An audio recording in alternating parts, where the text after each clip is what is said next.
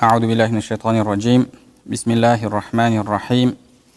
الحمد لله رب العالمين والصلاة والسلام على نبينا وإمامنا وقدوتنا وقرة عيوننا محمد وعلى آله وأصحابه أجمعين. رب اشرح لي صدري ويسر لي أمري واحلل عقدة من لساني يفقه قولي. اللهم علمنا ما ينفعنا وانفعنا بما علمتنا. وزدنا علما وعملا وتقا وإخلاصا يا رب العالمين أما بعد السلام عليكم ورحمة الله وبركاته иншаллах алла субханала тағаланың қалауымен имам абу хамид ал ғазали рахмауллахтың ихя улумиддин кітабының қысқартылған варианты бойынша өтіп жатқан дәрістерімізді ары қарай жалғастырамыз біз сіздермен китабул әмри бил маруфи уа нахи анил мункар Жақсылыққа бұйырып жамандықтан тыю кітабын өтіп жатырмыз. Және өткен дәрісімізде жалпы жақсылыққа бұйырып жамандықтан тыюдың дінімізде алатын орны жайында және жақсылыққа бұйырып жамандықтан тыюшы адамның бойында табылу керек болған шарттар жайында сөйлеген болатынбыз. Екінші мәселе имам ғазали рахмаулла қарастырған рукну thani яғни жақсылыққа бұйырып жамандықтан тыюдың екінші рукіні дейді. Мафихил хисба енді сол жақсылыққа бұйырып жамандықтан тыю қандай істерде болады қандай жағдайда болады осы мәселе. Адам осыны білу керек. Жалпы ә, жамандықтан тыю деген кезде біз нені айтамыз имам ғазали рахмауллах оған мынандай анықтама береді وهو كل منكر موجود في الحال ظاهر بغير تجسس معلوم كونه منكرا بغير اجتهاد жалпы біз тыйым салу керек болған жаман іс жамандық бұл біріншіден яғни ижтихадсыз аңдусыз сол уақытта дәл сол уақытта орын алып жатқан теріс іс дейді. Яғни біріншісі терістігі жамандығы ижтихадсыз белгілі болған. Және екіншісі аңдусыз. Үшіншісі дәл сол уақытта орын алып жатқан іс. Ә, енді бұның әрқайсысын жеке қарастырсақ біріншісі кәунуху мункаран дейді яғни теріс іс жаман іс жақсылыққа бұйырып жамандықтан тыю деп жатырмыз имам абу ғазали айтады мункар сөзі араб тілінде жақсылыққа бұйырып жамандықтан тыю деген әл әмру бил маруфи нахию анил мункар дейді мункар деген терістелген іс деген мағынаны білдіреді терістелген іс дұрыс емес іс жаман іс деген мағынаны білдіреді. Неге бұл жерде күнәдан тыю деп жатқан жоқ? Неге жамандықтан тыю деп жатыр? Имам ғазали айтады енді жамандық теріс іс деген сөз дейді күнә дегеннен қарағанда ауқымы кеңірек дейді. Ауқымы кеңірек. Мысал дейді егер сіз балиғатқа толмаған баланың немесе ақылынан адасқан адамның арақ ішіп жатқанын көрсеңіз оны тыюыңыз керек. Оны тыюыңыз керек. Ол жынды болса да ол балиғатқа толмаған бала болса да тыюыңыз керек. Ал енді балиғатқа толмаған баланың балаға байланысты жындыға байланысты біз күнә істеді деп айта аламыз ба? Яғни оның істеп жатқаны ол үшін күнә ма күнә емес пе? Ол үшін күнә емес. Неге? Өйткені ол әлі балиғатқа толып мукәлләф болған жоқ. Және сондай ақ жынды адам күнә жазылмайтын адамдардан. Ол үшін ол күнә емес. Бірақ ол бәрібір жаман іс теріс іс. Сол үшін біз ол нәрседен әлгі адамдарды тоқтатуымыз керек тыюымыз керек. Сол үшін де біз бұл жерде жалпы ә, жақсылыққа бұйырып жамандықтан тыю дейміз. Жаман іс деген сөз ол күнә іс деген сөзден кеңірек. Яғни оның күнә болуы шарт емес. Кейде бір жаман іс болады ерсі іс болады бағанағы әдепсіздік болады сол жерде біз соны әдепсіздіктен жамандықтан күнәдан бәрінен тыюымыз керек және сондай ақ бұл жерде ә, жамандықтан тыю дегеннің ішіне кабира кіші күнәлар де кіші күнәлар да үлкен күнәлар да кіреді дейді яғни жамандықтан тыю бұл тек қана үлкен күнәларға қатысты емес кіші күнәлар кейде адамдар енді болмашы іс қой деп қарайтын күнәлардан да біз тыюымыз керек. Мысалы бағанағы ер адам әйелдерге қарап жатса имам абу хамид соны мысалға келтіріпті. Бөтен әйелдерге қарап жатса дейді. Енді біз оны біз оны үлкен күнәлардан деп айта алмаймыз. Өйткені үлкен күнәлардың қатарында ол келмеген хадистерде. Бірақ сонда да біз ә, тыюымыз керек ол нәрседен дейді. Өйткені ол жамандық. Яғни бірінші шарты жалпы біз не нәрседен тыюымыз керек деген мәселеде ол жаман іс. Бірінші шарты ол жаман іс. Енді екінші шарты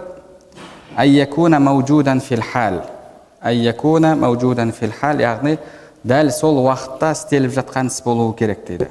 Дәл сол уақытта істеліп жатқан іс болуы керек. Өтіп кеткен іске қатысты жамандықтан тыю деген нәрсе жүрмейді. Себебі имам ғазали рахмалла айтады. Өйткені ол өтіп кеткен іс дейді. Өтіп кеткен іс.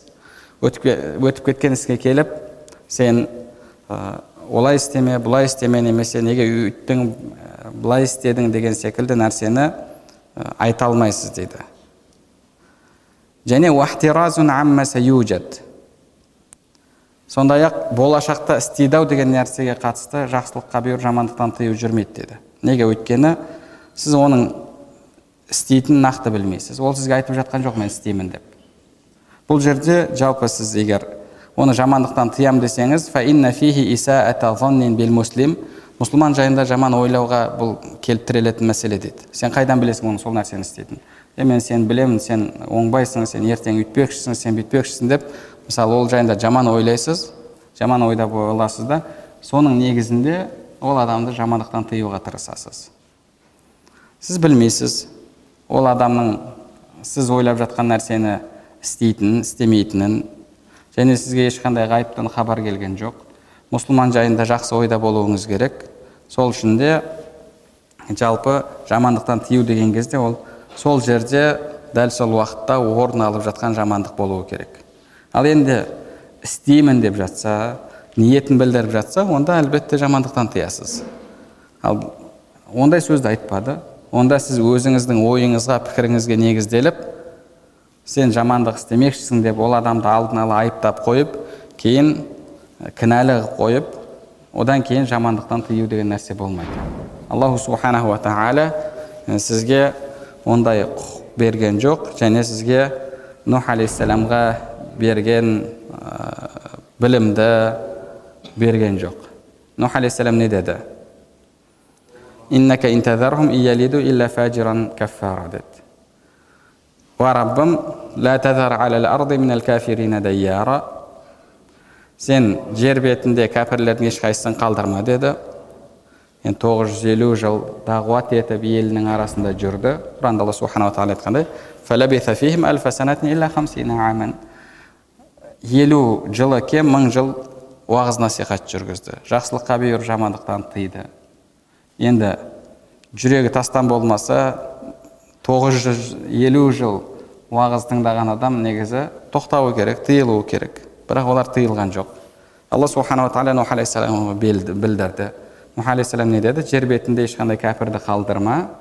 Егер сен оларды қалдыратын болсаң олар тек қана өздері сияқты кәпірлерді күнәһарларды дүниеге келтіреді деді кәпірлерді күнәһарлар дүниеге келтіреді енді бұл жерде бұл сөзді қалай түсінеміз біреу дүниеге келген кезде кәпір болып дүниеге келмейді күнәһар болып дүниеге келмейді қалайша нұх алейхисалам сен оларды жер бетінде қалдыратын болсаң олар тек қана күнәһарларды кәпірлер туады деп жатыр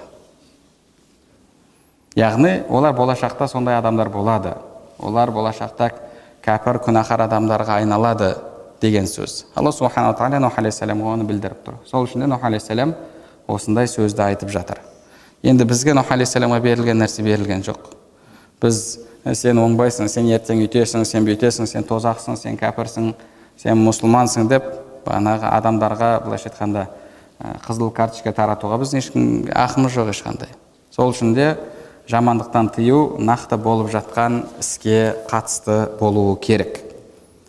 Және үшінші шарты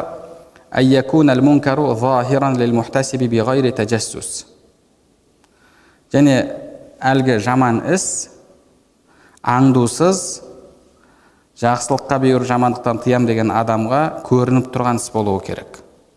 Егер бір адам үйіне тығылып үйіне тығылып істеп жатса сіз мынау осы нәрсені үйінде істейтін сияқты деп соның негізінде үйіне баса көкте кіріп ә, кіріп келіп ол адамды жамандықтан тыям десеңіз шариғаттың ережелерін аттап өткен боласыз. Құранда алла субханала тағала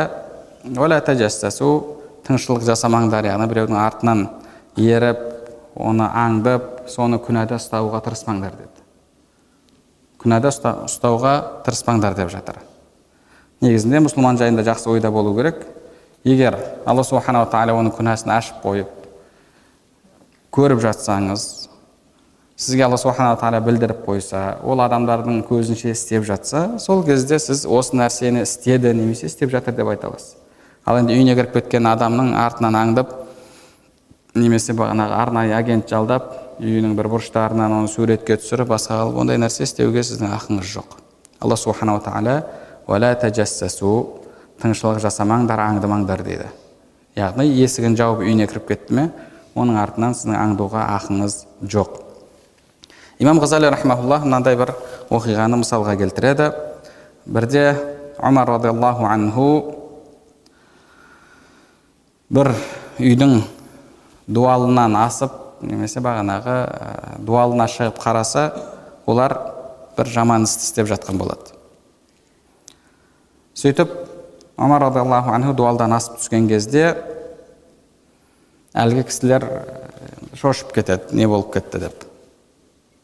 Арасынан біреу тұрып айтады я амир муминин ин кунту ана қад асайту аллах мин ваджхин вахид фа анта қад асайтаху мин талатати аужух омар радиаллаху анху енді айтады ғой не істеп жатсыңдар деп сонда әлгі кісі айтады егер біз алланың алдында бір күнә істесек қазір бір істе аллаға қарсы келсек сен үш нәрседе үш істе аллаға қарсы келдің дейді сонда омар радиаллаху анху қандай істерді деген кезде айтады алла тағала тыңшылық жасамаңдар аңдымаңдар деді уақат тәжассаст бірақ сен мына жерде бізді аңдып тыңшылық жасап дуалдан асып түсіп бізді ұстап алдың дейді және одан кейін алла тағала айтады үйлерге есігінен кіріңдер деді. Үйлерге есігінен кіріңдер деді.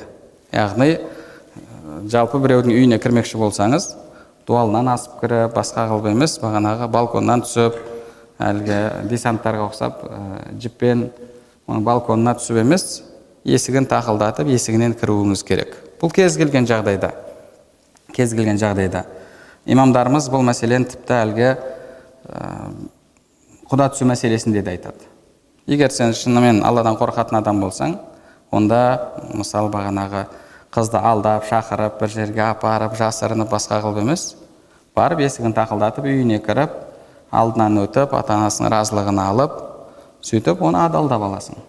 Ал адамдардың істеп жатқан нәрселері әлгі мысалы зина болсын басқа болсын бұның барлығы үйдің есігінен кіру емес тесігінен кіру мысалы бағанағы балконнан шығарып алу деген сияқты сондай әртүрлі күнә істерді істейді. Және сондай ақ бұл аяттың бір мағынасы жалпы адамның жүрегіне де дұрыс жолмен кіру керек деді адамның жүрегіне де ә, дұрыс жолмен есігінен кіру керек дейді. Имам абу ғазали рахмалла бұған қатысты мынандай жақсы нәрсені айтады. Жалпы адамдардың жүрегі аманат деді адамдардың жүрегі аманат адамдардың жүрегіне өзіңізде жоқ нәрсені көрсетіп кіруіңізге болмайды деді. Кіруіңізге болмайды. Яғни мысалы біреуді ұнатып қалдыңыз. Соған өзіңіздегі барлық кемшілікті жасырып оның жүрегіне кіріп аласыз. Сол адамға жақындайсыз өзіңізді ұнаттырасыз. Одан кейін ол сізді сондай екен деп сол сіздің көрсеткеніңіздің негізінде қабылдап мысалы тұрмысқа шығады. Тұрмысқа шығып кейін болды қораға кірді дейсіз де сіз әлгі көшедегі өтірік әрекеттеріңізді жасандылығыңызды бәрін тоқтатасыз да маскаңызды шешіп шешіп өзіңіздің қандай дөрекі екеніңізді қандай сабырсыз екеніңізді көрсетесіз. Сол кезде ол айтады қап деді бағана алданып қалыппын ғой деді. Бұл жерде сіз біреудің жүрегіне харам жолмен кірдіңіз. Негізінде адамдардың жүрегі аманат оған алла субханала тағала халал еткен жолмен ғана кіру керек. Енді бұл жерде үйлерге есігінен кіріңдер деп жатыр. Сен болсаң дуалды асып түстің дейді. Бұл екінші алланың ісіне қарсы келуің дейді. Алланың бұйрығына қарсы келуің және одан кейін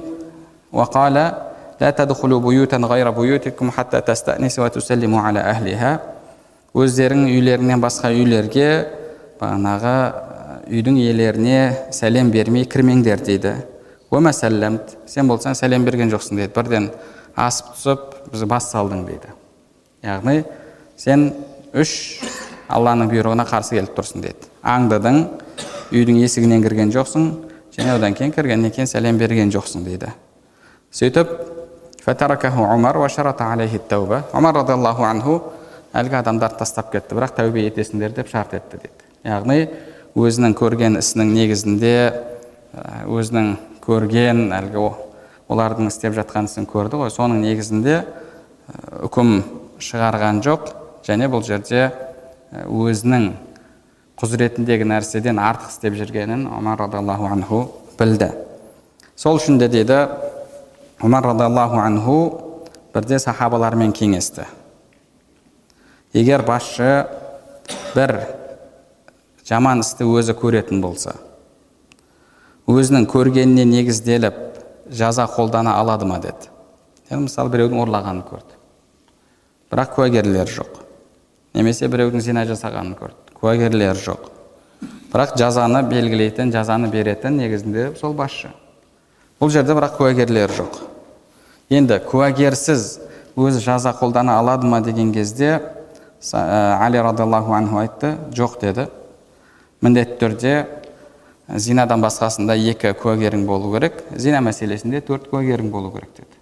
Өйткені өзіңнің көргенің жеткілікті емес өзіңнің көргенің болмайды деді.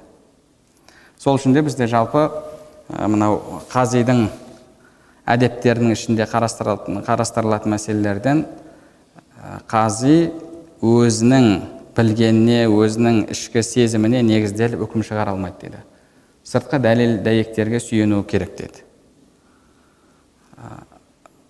Тіпті сондай ислам қазилары үлкен қазилары үкім шығарып жатқан кезде айтатын болған мен бұл жерде сенің дұрыс емес екендігіңді ақиқат сен тарапта емес екендігін білемін бірақ дәлел дәйектер ә, сенің пайдаңа болып тұр сол үшін осылай шешіп жатырмын.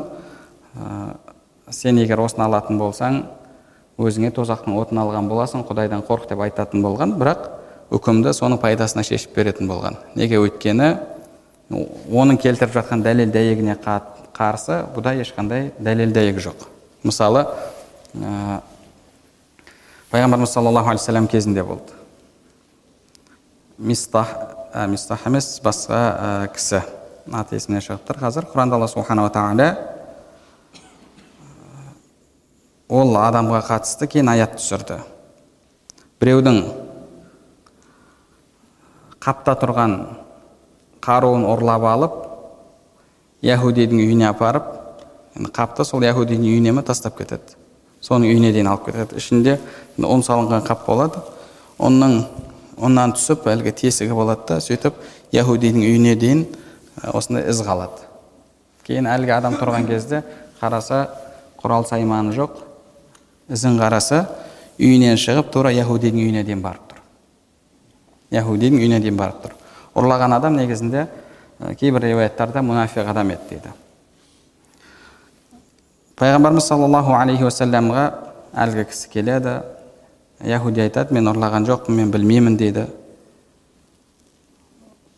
сол жерде жалпы алла субханала тағала осы мәселеге қатысты аят түсіреді енді сыртқы дәлел дәйектерге қарайтын болсақ бұл жерде яхуди кінәлі. Неге өйткені бұл жерде дәлел солай болып тұр. Өйткені іс соның үйіне барып тұр. Алла субханала тағала аят түсіреді сен өзіне қиянат еткендерге жақтаспа деді егер бұл дүниеде сен оларға жақтасатын болсаң олардың жанын алатын болсаң ертең қияметте алланың алдында қалай оларды сен қорғамақшысың деген алла субханала тағала осындай аяттар түсіреді.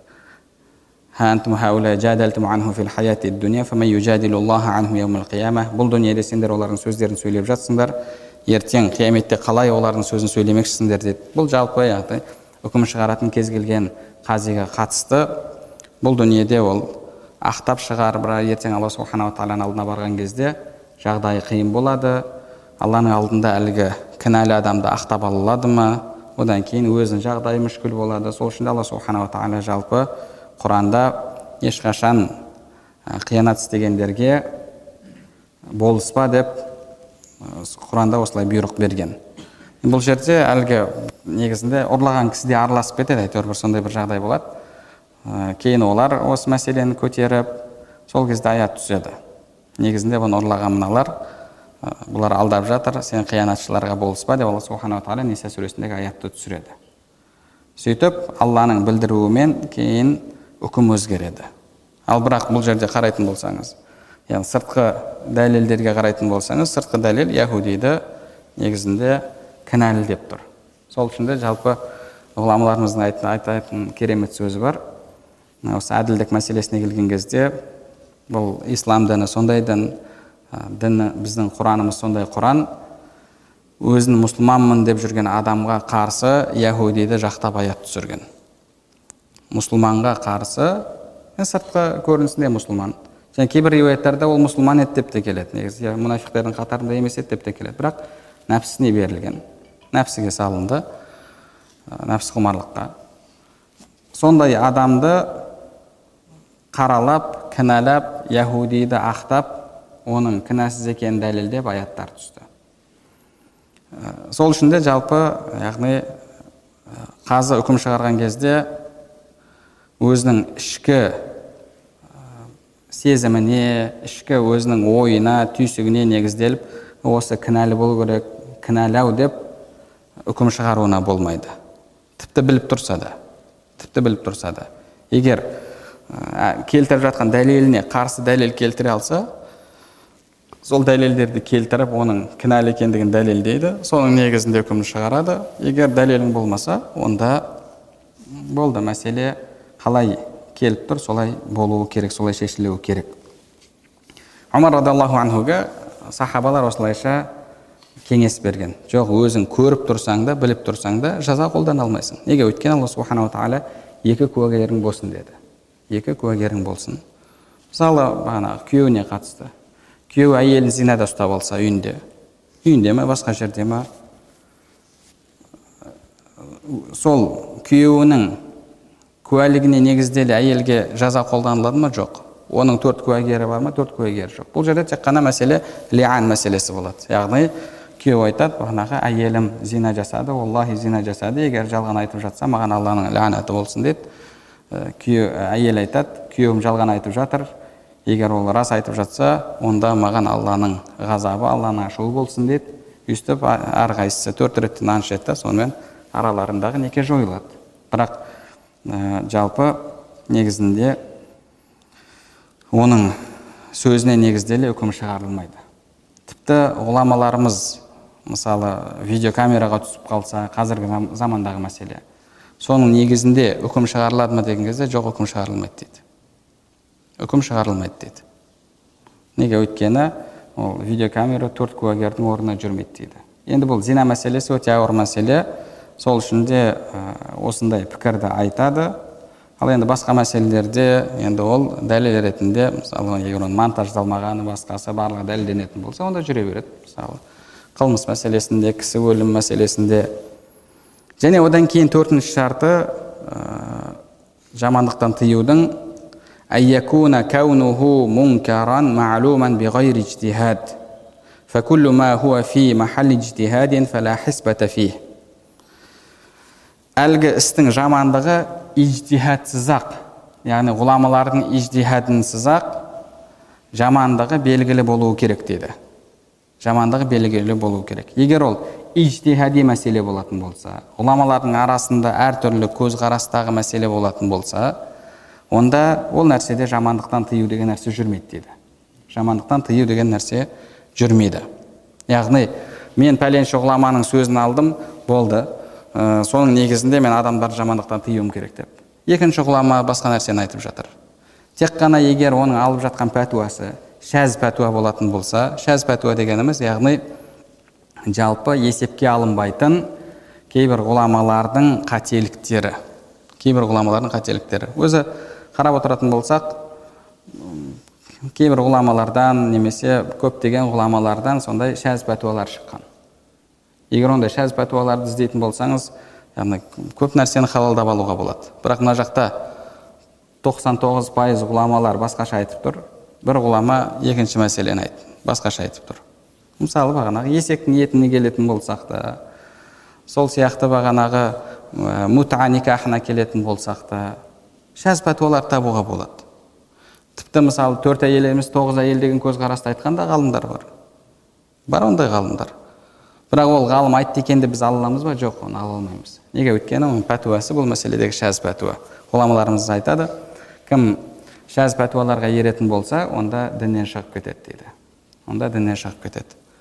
Және қайсы бір ғұламалардың айтқан сөзі бар? Шейх мұхаммад ауама хадис шариф деген кітабында осы мәселені көтереді. Сол жерде айтады кімде кім дейді меккеліктердің бір мәселеге қатысты несін айтады. Жалпы меккелік ғалымдардың мына көзқарасын алатын болса мединеліктердің тағы бір көзқарасын айтады. Бағанағы әйелмен қосылу мәселесінде одан кейін бір үш төрт елдегі ғалымдардың үш төрт мәселесін келтіреді. Егер әр елден мына мына мәселелерді алатын болса онда ол адам өзінің бойында бүкіл жамандықтарды жинапты деді. Неге өйткені ғұламалардың бәрінде бәрінде демесек те енді негізінде шәз пәтуалар болады. Бізде қазақта айтатын сөз бар бағанағы жаңылмайтын жақ болмайды деп. Сол үшін ол ғалымның кейде қозғаған мәселесі болады бірақ мәселесінде ол шәз пәтуаға түсіп қалған болады. Бірақ енді ол ғұламаға қатысты үкім қандай болады? ол ғұлама қате айтып тұрса да негізі дұрыс айтпаса да алла тағаланың алдында сауап алады. Неге өйткені? ол мужтахид ол ижтихад ету дәрежесіне жеткен. егер ол біреудің сөзіне дәлелсіз еретін болса алла тағаланың алдында күнәһар болады. Неге өйткені? ол мужтахид дәлелге еру керек. және ә, бағана ижтихад етіп қателессе де оған алла тағала сауап береді. Неге өйткені пайғамбар саллаллаху егер мужтахид адам ижтихад жасап қателесетін болса оған бір сауап деді. Егер дұрыс айтатын болса оған екі сауап деді. Яғни ол қателессе де сауап алады. Бірақ біз оның артынан ере алмаймыз. Ол мәселеде біз оның артынан ере алмаймыз. Оның өзіне сауап болады алла субханала тағаланың алдында. Ал біз мысалы ижтихад етіп дұрыс айтсақ та алла тағаланың алдында күнә аламыз қате айтсақ та алла тағаланың алдында күнә аламыз. Неге өйткені біздің ижтихад етуге ақымыз жоқ ешқандай. Бізде ондай құқық жоқ. Біз ондай деңгейге жеткен адамдар емеспіз. Біздің міндетіміз ғұламаларға тақлид жасау. Яғни жалпы шәз пәтуаларды алып тастайтын болсақ одан кейін ғұламалардың арасында ихтиляфи мәселелер бар. Жақсылыққа бұйыр жамандықтан тыю мәселесінде ғұламалардың арасында келісілген мәселе болу керек. Сол үшін де мынандай ереже бар. Юнкарул муттафақ юнкарул деді. Яғни ғұламалардың арасында келісілген мәселеде жамандықтан тыю деген нәрсе жоқ. Және жамандықтан тыю жалпы не мәселеде болады? Ғұламалардың арасында келісілген мәселеде жамандықтан тыю керек. Ал ихтиляфи болған мәселеде жамандықтан тыю деген нәрсе жүрмейді. Яғни мысалы бағанағы шафии мазхабын ұстанатын адам. Шафи мазхабын ұстанатын адам борсықтың етін жеп отырса сіз ханафи келіп жеме мынау харам деп айта алмайсыз. Неге? Өйткені ол ижтихади мәселе. Ол мазхабта ол рұқсат жеуге рұқсат. Ол өзінің имамының мазхабы бойынша жеп жатыр. Немесе бағанағы ә, креветки жеп отырған адамға әлгі бізде теңіз өнімдерінен тек қана балық рұқсат болса басқаларда креветки болсын сол сияқты нәрселер рұқсат. Енді сен келіп алып жоқ бұл харам бұны жеуге болмайды. Субханалла сен харам жеп жатсың сен дұғаң қабыл болмайды деп оған әлгі харам жеп жатқан адамның үкімін бәрін қолдана аласың ба? Жоқ. Неге? Өйткені бұл харамдығына келісілген мәселе емес. Сен өзің имамыңның пәтуасына еріп соның көзқарасын ұстана аласың. Бірақ басқа адамға сол өзіңнің көзқарасыңды жүктей алмайсың. Бізде қазіргі кезде өкінішке орай осындай мәселелерді кейбіреулер көтеріп ихтиляфи мәселелерді көтеріп және сол ихтиляфи мәселелерді шынайы әлгі дұрыс жолда жүрген адамның белгісі ретінде қарастырып алғандар бар. Бұл алдын мысалы тек қана біздің әлгі сәләфи бауырларымыздың тарапынан көтерілетін мәселе болса әлгі ә, сақалдың ұзындығы балақтың қыса қысқалығы деген сияқты. Қазір соны ханафиміз деген бауырларымыз көтеріп жатыр. Бұл ихтиляфи мәселе ау басқа мазхабтарда басқаша көзқарас бар ау деген секілді нәрсені ескеріп жатқан жоқ. Жамандықтан тыю негізі имамымыз айтып жатыр.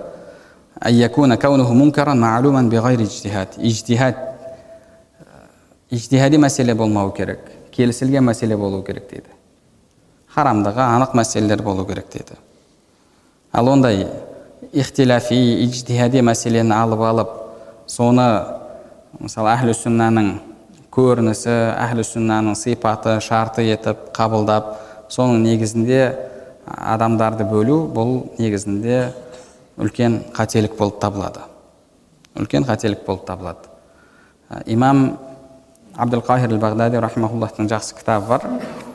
Сол кітабында әл фарқу бен әл фирақ деген әртүрлі фирқаларды жазған ішінде соңында мынандай тақырып арнаған әл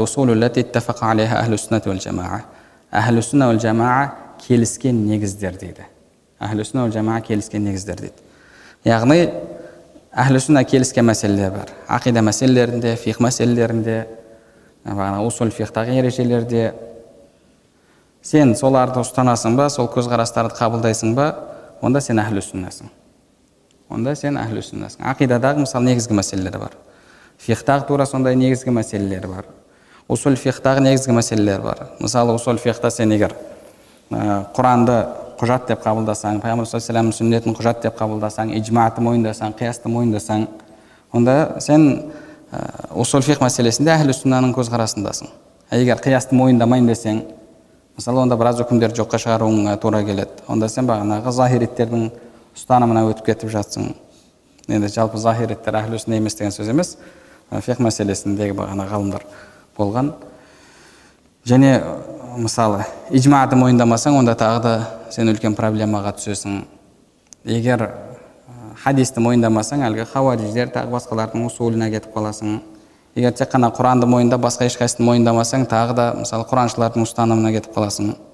Ал енді одан кейін ар жағында бізде негізі келісілген төрт дәлел көзі болса құран сүннет иджма қияс одан кейін ихтилафи болған мәселелер бар. Бағанағы истихсан истислах маслах әл мурсала әл урф фәтуа сахаба тағы да басқа да сондай мәселелер бар. Ол ихтилафи мәселелер. Ол жерде бір ғұлама былай дейді екінші ғұлама былай дейді. Ол жерде де яғни мысалы бағана истихсанды мойындамаған әхлі емес деп айта алмайсың. Сол үшін де жалпы бізді негізінде біріктіретін нәрсе бұл негіздер. Фуру мәселелер емес. Егер фуру ихтиляфи мәселелерді әхлі біріктіретін мәселе етіп алатын болсақ онда біз қателесеміз. Тіпті имам абу ханифа рахмауллахтың өзіне екі шәкірті имам абу юсуф имам мұхаммадтар мазхабтың үштен бірінде қарсы келген. Үштен бірінде қарсы келген. Бізде фихта жазылып тұрады ғой мысалы қарайсың. Имам абу ханифа былай деді. Екі шәкірті былай деді. Немесе имам абу ханифа мен абу, имам абу юсуф былай деді мұхаммад былай деді деген секілді. Осындай мәселелерді жинайтын болсаң яғни имамнан екі шәкіртінің көзқарасы ерекше болған бөлек болған мәселелерді жинайтын болсаң мазхабтың үштен бірі шығады. Сол үшін де яғни ондай мәселелерде жалпы жамандықтан тыю деген нәрсе жоқ. Мысалы бағанағы қазіргі күнде көтеріп жатқан қазір ханафилердің өздері кейбір соны көтеріп жатыр. Ой балақ қысқа болу керек балақты қысқарту керек балақты қысқартпасаң ол проблема деп мысалы ханафи мазхабының өзінде ғұламалардың арасында мысалы ихтиляф болған мәселе екенін кейде ескермейді. Яғни жалпы ә, бұл жамандықтан тыю деген мәселе келісілген мәселелерде болу керек.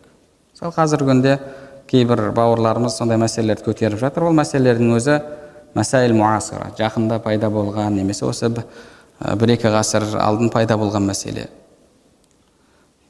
Алдыңғы ғұламалардың кітаптарында қарастырылмаған. Ол пайда болған мәселеге қатысты ғұламалар әртүрлі ижтихад еткен. Ижтихадының өзінде мысалы бағанағы усул фихтағы ережелерге қатысты ихтилаф туындайды. Мысалы бағанағы жалпы діни мәселе болмаған әдеттегі мәселелерге бидағат кіреді ме кірмейді ме деген мәселе. Бұл негізі усул фихтағы мәселе. Бидат тақырыбында ғұламалар қарастырған. Енді әдетке әдеттерге яғни діннен болмаған мәселелерге бидағат жүрмейді деген ғұламалар мысалы кейбір жаңа пайда болған нәрселерге ә, мысалы бағанағы кейбір белгіленген күндерге қатысты егер ол шариғаттың негізіне шариғаттың ережесіне шариғаттың мақсаттарына қайшы келмейтін болса онда ол қайшы емес ә, харам емес деген сөзді айтады. Екінші ғұламалар басқаша көзқарасты айтады. Өйткені олар бидағат әдетке де кіреді деген көзқарасты ұстанады. Бұл жердегі қарап тұратын болсақ ихтилаф ережедегі ихтилафтан туындап жатыр. Неге өйткені ережеде ғұламалардың арасында ихтилаф бар. Соның негізінде ихтилаф туындап жатыр. Бұл жерде ихтилаф дәлелді мойындау мойындамау емес. Ол жерде ешқандай дәлел жоқ. Яғни ешқандай бағанағы нүкте қоятын мәселені шешетін ешқандай дәлел жоқ. А енді осындай мәселеде келіп екінші көзқарасты айтқандарды мыналар оңбағандар мыналар адасқандар мыналар бағанағы былайша айтқанда қазір кейбіреулер модернист деген сөзді қолданады ғой бірақ модернисттің не екенін де онша түсінбей жатады. Мысалы яғни осындай түрлі лақаптарды таратып жатады. Имам абу хамид ғазали рахимаулла айтады оның жаман екендігі мұнкар екендігі ижтихадсыз мәлім болған дүние болу керек дейді.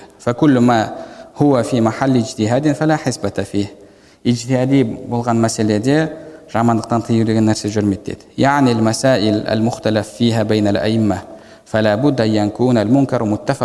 Яғни имамдарымыздың арасында ихтиляфи болған мәселелер деді.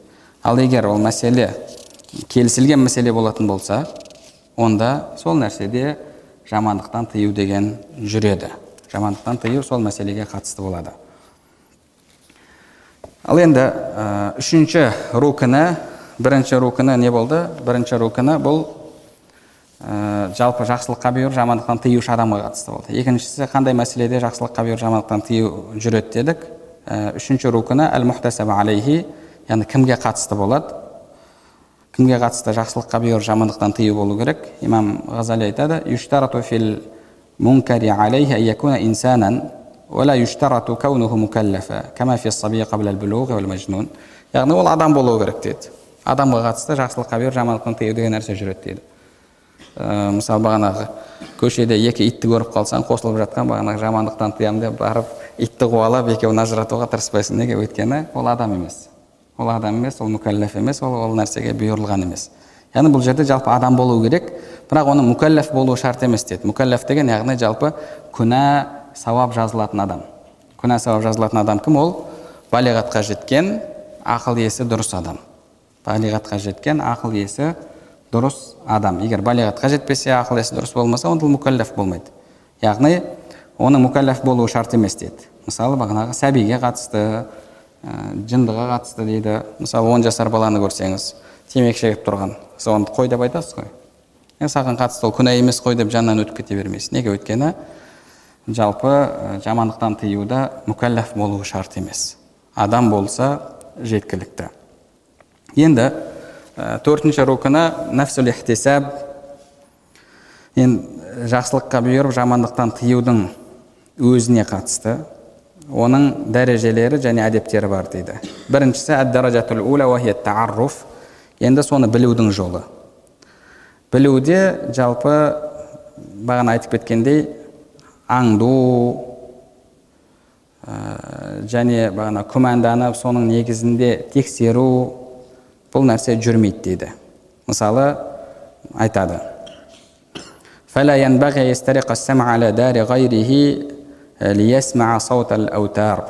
яғни біреулердің үйінде осының үйінің ішінде бағана музыка ойнап жатыр ма екен деп бағанағы барып құлағыңды тұрып тыңдап есігіне бағанағы құлағыңды қойып тыңдауға бағана жетпей жатса барып стаканды апарып стаканды қойып жақсырақ естіледі деп. Ондай нәрсе істеуге болмайды дейді.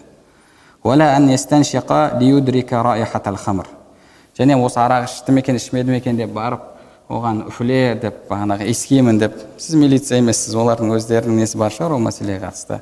Ал жақсылыққа бұйырып жамандықтан тыюда барып оны дәлелдеу үшін бағанағы иіскеп немесе жүр анализ тапсырасың деген секілді нәрсе жоқ. Егер сіз оны мысалы сөзінен қисалаңдап жүргенінен мастығын көрсеңіз онда ол басқа мәселе. Және сондай ақ айтады мысалы киіміне бір нәрсе жасырып алған болса әлгі бұл жерде музыкалық инструментті келтіріп жатыр соны барып бағанағы ұстап көріп не нәрсе екен деп олай істеуіңізге болмайды дейді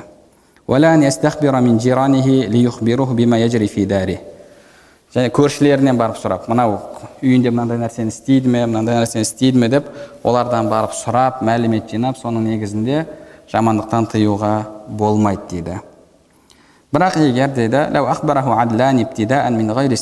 өзі сұраған жоқ бірақ екі сенімді кісі келіп мына жерде мынандай нәрсе болып жатыр десе онда соның негізінде оның үйіне кіруге болады дейді бірақ бұл жерде жалпы сенімді әділ адамдар болу керек.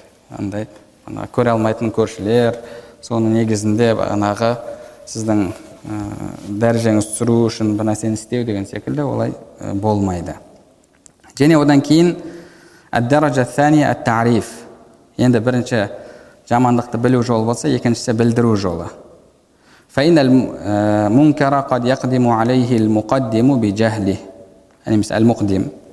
жаман іске кейбір адам білместен баруы мүмкін дейді егер оның білмейтіндігін білместікпен істеп жатқанын білсе дейді тарака онда оны тастау керек дейді айтып оның дұрыс емес екендігін айтып солай тастау керек дейді мысалы бағанағы кейбір қаладан ұзақтау болған жерде ол жерде дінді үйрететін дұрыс адамдар жоқ. Сондай мысал келтіріп жатыр. Келеді қалаға келген кезде мысалы дұрыс намаз оқи алмайды дейді. Дұрыс намаз оқи алмайды намаз дұрыс оқып жатқан жоқ. Бұл оның білместігінен болып жатыр дейді.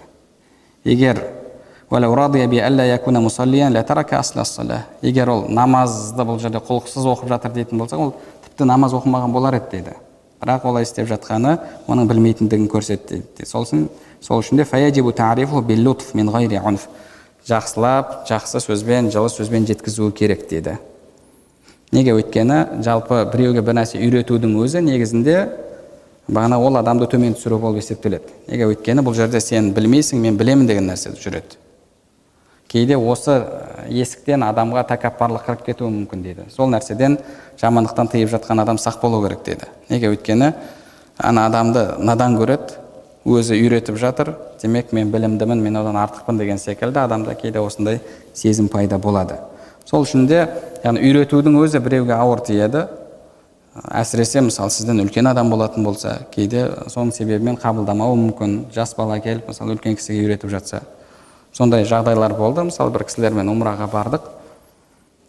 Енді баласы өзімізбен қатар әкелеріне уағыз айтсаңыз уағыз айтсаңыз деді жарайды деп жаңағы уағыз айтамын әкелері бүйтіп ықылассыздықпен тыңдайды.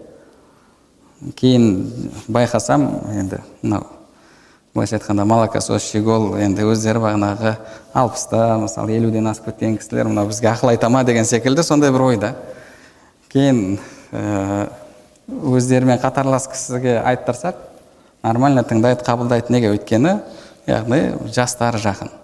Ал енді енді үлкен адамдарға мысалы жас бала келіп айтып жатса әсіресе енді дінге кіре қоймаған дінге деңізде дін яғни амалға келе қоймаған адамдар бірден қабылдауы қиын. Енді амалға келгеннен кейін намазды бастағаннан кейін ол дін мәселесінде де ол енді даналық жағы ол жағында енді жас деген керек шығар. Бірақ енді негізгі ә, діни мәселелерді үйренуде енді ол жерде мамандық деген нәрсе бар ол жас болса да біледі деген сондай көзқарас кіргеннен кейін қалыптасқаннан кейін тыңдай бастайды ал бірақ әлі намазды бастаған жоқ.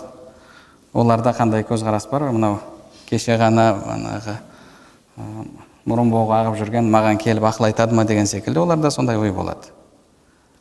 Сол үшін де жалпы енді біреуге бір нәрсе үйретудің өзі оны кішкене төмен түсіру болып табылады.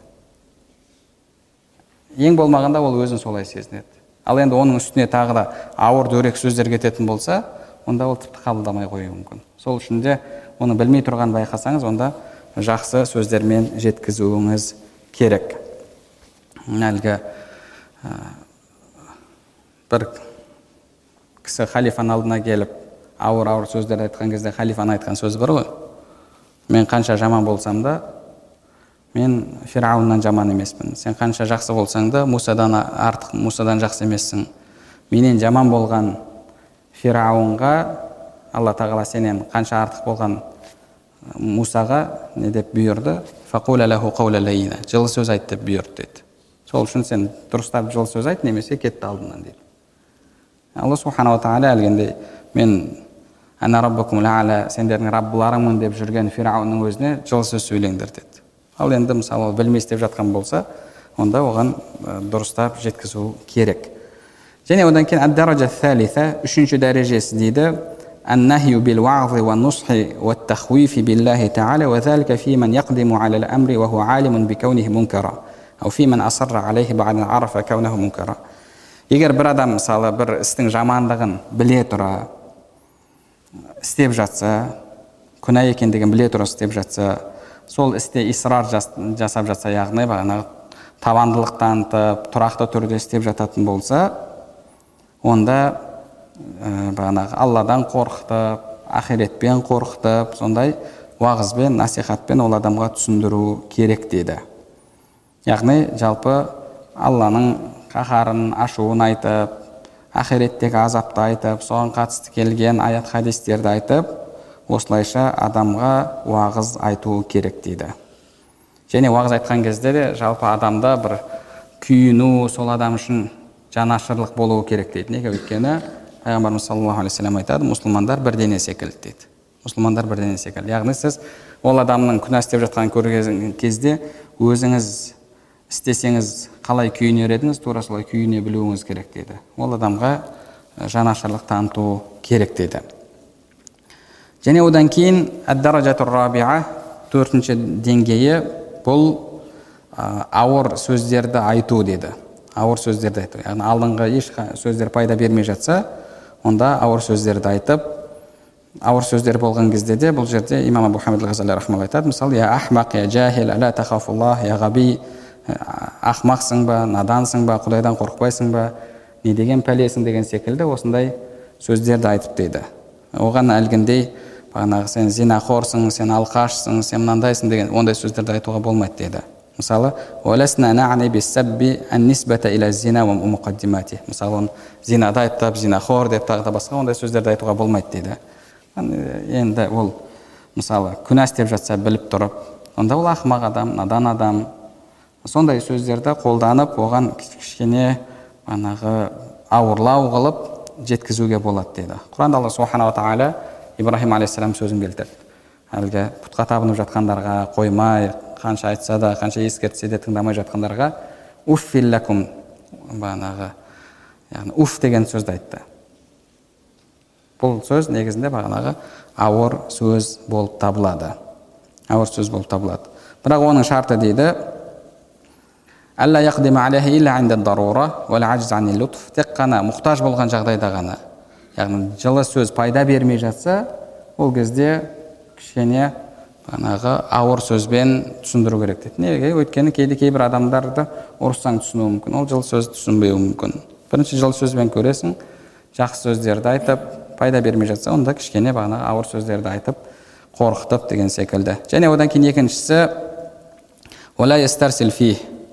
енді айтуға болады екен деп бағанағы түрлі білетін сөздердің бәрін айтып ондай сөздерді көбейтуге болмайды дейді. Одан кейінгі деңгей даражатул хамиса бесінші деңгей аттағиру бил қолмен өзгерту дейді қолмен тоқтату жамандықты. Мысалы бағанағы нәрселерді сындыру жазалау біреудің үйін тартып алған болса мысалы бағанағы үйінен ә, сүйреп шығару деген секілді. Бұндай мәселелерге қатысты біріншіден бұл жалпы соған құқылы адам болу керек. Енді жалпы имам мұхаммед бұл жерде әл мұхтасиб жайында айтып жатыр. Мұхтасиб деген бұл сондай қызмет болған негізі ислам мемлекетінде әл хисба деген қызмет бар. Мынау саудияда бағанағы шуртатул әмір бил маруф анил мункар жақсылыққа бұйырып жамандықтан тыю полицей деген сондай қызмет болды. Бірақ естуімше осы соңғы жылдары тоқтатты оларды. Олардан ол құқықты алып қойды.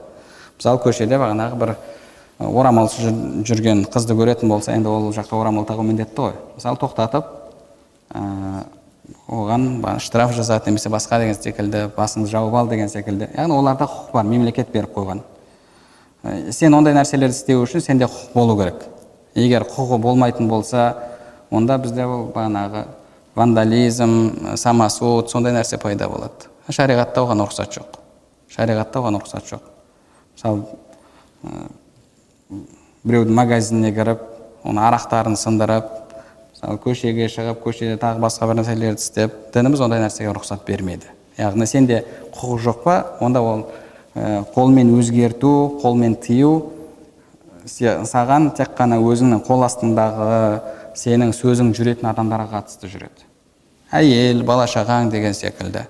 Жұмыста болатын болсаң жұмыстағы қол астындағы адамдар ол жерде де мысалы бағанағы заңның шеңберінде болу керек. Мен қол астымда екен деп мысалы бағана фирмаң бар фирмаңдағы адамды ұрып соға алмайсың ғой неге өйткені сенде ондай құқық жоқ. Яғни жалпы оның барлығы саған берілген құқықтың шеңберінде болуы керек. Және бұл нәрсенің өзінде де бағанағы адамда екі әдебі болуы керек дейді.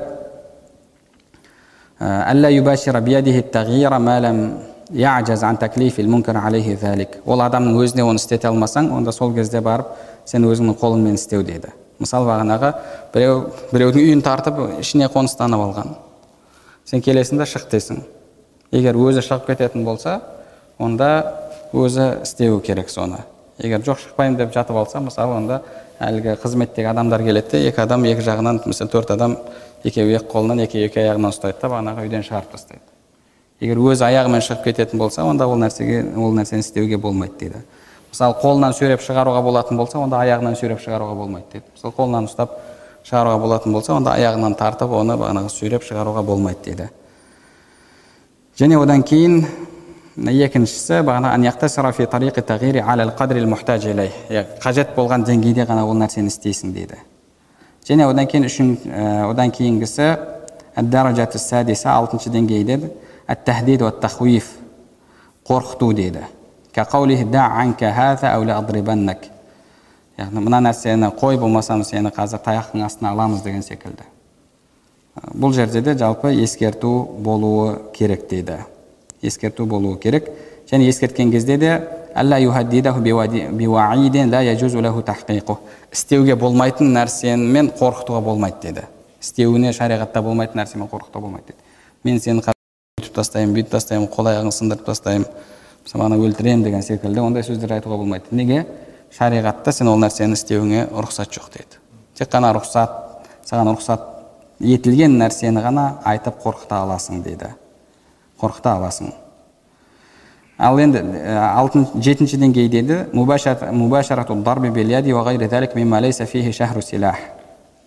وذلك جائز بشرط الضرورة والاختصار والاقتصار على قدر الحاجة في الدفع فإذا اندفع المنكر فينبغي أن يكف енді мысалы бағанағы ұру мәселесіне қатысты деді бұл жерде ә, қару қолдануға болмайды деді одан басқа нәрселермен ә, жамандықтан тыюға болады мысалы бағанағы әлгі ішіп алған адам барын жанына жақындап барса мысалы ұрып теуіп бастады.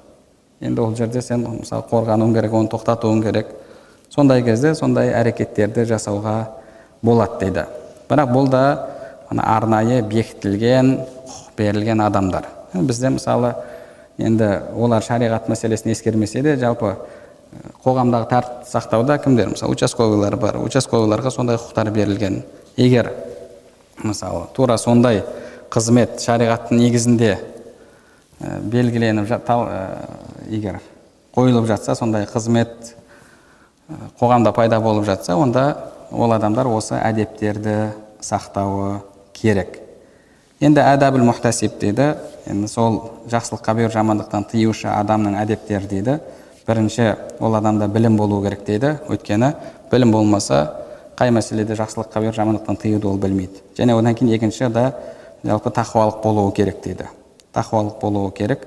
Тақуалық болған кезде ол бағанағы мен ағайын туысқаным басқа адам деп өйтіп бөліп қарамайды. Мысалы бағанағы өзінің бір туысқандары бір нәрсе істеп жатса қойсаңдаршы деді де кетеді. Мысалы басқа біреулер істеп жатса мысалы оларға жаза қолданады. Оларға бағанағы осы айтылған нәрселерді қолданады. Ол нәрсе болмау үшін ол адамда тақуалық болу керек дейді және одан кейін хуснул хулуқ көркем мінез болуы керек дейді егер ол адам негізгі табиғатында дөрекі адам болатын болса сәл бір нәрсеге бағана ашуланып кететін бірден шыж болатын адам болатын болса ондай адамды ондай жұмысқа ондай қызметке мүлдем қабылдамау керек неге өйткені ол жақсы сөз айтып шыдап бағанағы тұра алмайды енді құқығы бар мысалы бірден енді ол адамда әлгі не болатын болса тағы да қосымша мысалы егер мемлекет оған бір екі қару жарақ беріп қойған болса недегі америкада көріп жатамыз ғой бірден алады да әлгі сым барып тиіп денесіне тоқ ататын мысалы сөйтіп сондайға кіріп кетуі мүмкін. Сол үшін де ол адамда хуснул хулуқ яғни көркем мінез сабырлық болуы керек дейді. Сол кезде ол адам бұл қызметті дұрыс атқара алады дейді және ең бірінші жақсылыққа бұйырып жамандықтан тыюды өзінен бастауы керек дейді өзінен өзінің әйел бала шағасынан бастауы керек. Егер әйел бала шағасынан бастамаса онда алла субханала тағала құран кәрімде өздерің істемеген нәрсені неге айтасыңдар дейді. Және басқа бір аятта өздерің істемеген нәрсені айту алланың ашуын тудырады дейді. Ол адам былайша айтқанда яғни өзін ұмытып қойған адам болып есептеледі. Және ол адам яғни өзінің іс әрекетінде пайғамбарымыз саллаллаху алейхи уассаламның дағуат ету тәсілін үйреніп соны өзіне пайғамбарымызды өзіне үлгі тұтуы керек дейді. Мысалы пайғамбарымыз саллаллаху алейхи вассаламнан риуаят етіледі. Әбу умама радиаллаху анху риуаят етеді. Бір кісі пайғамбар саллаллаху бір жас жігіт пайғамбарымызға келіп я наби аллах зина? Маған зинаға рұқсат бер деді. Зина жасауға рұқсат бер деді. Адамдар сол жерде айқайлап не деп жатсың? деп әлгі баланы ұруға дейін барды. Сонда пайғамбар саллаллаху жоқ қойыңдар деді да оны жақындатып қолына бағанағы көкірегін қойып тұрып бірінші сұрады бағанағы уммик? Сол нәрсені адамдардың сен анаңмен істеуін қалайсың ба? дейді. Жоқ деді фидак енді алла мені пида етсін сенің жолыңда жоқ бол оны қаламаймын деді адамдар да тура сол секілді өздерінің аналарына қаламайды деді. Бинтик? Өзіңнің қызыңа сол нәрсені істегенін қалайсың ба? деді. Жоқ деді. Пайғамбар адамдар да тура сондай деді. Кейін тағы да бағана өзіңнің әпкеңе қарындасыңа деген секілді осындай сұрақтарды қойды әлгі бала жоқ жоқ деді сонда пайғамбарымыз саллаллаху қолын көкірегіне қойып тұрып алла мына баланың жүрегін тазарт күнәларын кешір және бұны зинадан сақта деп осындай дұға жасады әлгі жігіт пайғамбарымыз саллаллаху алдынан шығып бара жатқан кезде оған дүниеде зинадан артық бағанағы жек көрінішті нәрсе болған жоқ деді. Неге? Өйткені пайғамбар саллаллаху оған сондай көркем тәсілмен үйретті көркем тәсілмен дағуат жасады. Иншалла біз де солай істейтін болсақ біздің сөзіміздің әсері болады. Иншалла осымен дәрісімізді тамамдаймыз. Тағы да бір екі мәселелер бар екен. Оны иншалла келесі дәрісте қарастырып үйренетін боламыз. Алла субханала тағала бәрімізге пайдалы білім нәсіп етсін білімдерімізге амал етуімізді және амалдарымыздың қабыл болуын нәсіп етсін.